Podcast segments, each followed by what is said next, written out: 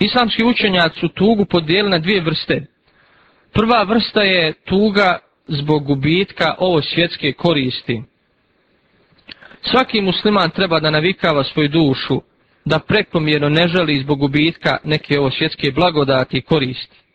Jer u suštini i ovaj svijet u odnosu na hiret ne vrijedi i ne predstavlja ništa, a u svakom slučaju čovjek je samo privremeni vlasnik onoga što posjeduje na ovome svijetu.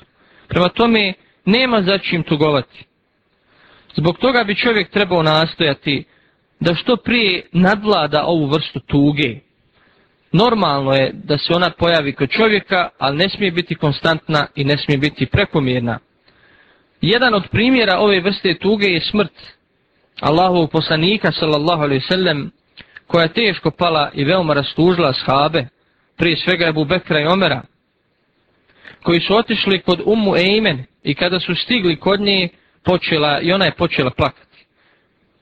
Zašto plaćeš, upitali su je. Ono što je kod Allaha bolje je za poslanika.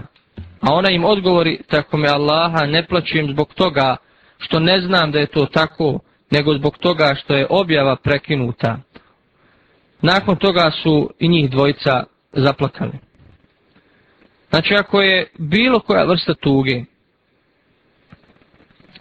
dugotrajna, može izazvati teža, znači, psihička oboljenja i može čovjeka baciti u depresiju i be, beznađe.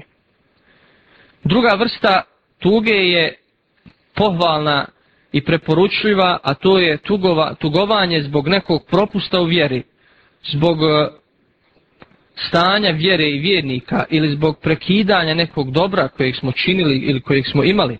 Međutim, ni ova tuga ne smije biti prekomjerna jer može odvesti čovjeka u očaj i lijenost.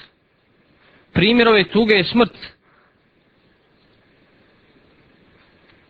Allahovog, znači poslanika, ali salatu wasalam, ili kao i ovom primjeru prethodnom, koja je ražalostila shabe, ali oni nisu pali u očaj i beznađe, nego su i dalje nastavili eh, pravim putem i nastavili su da čine dobro.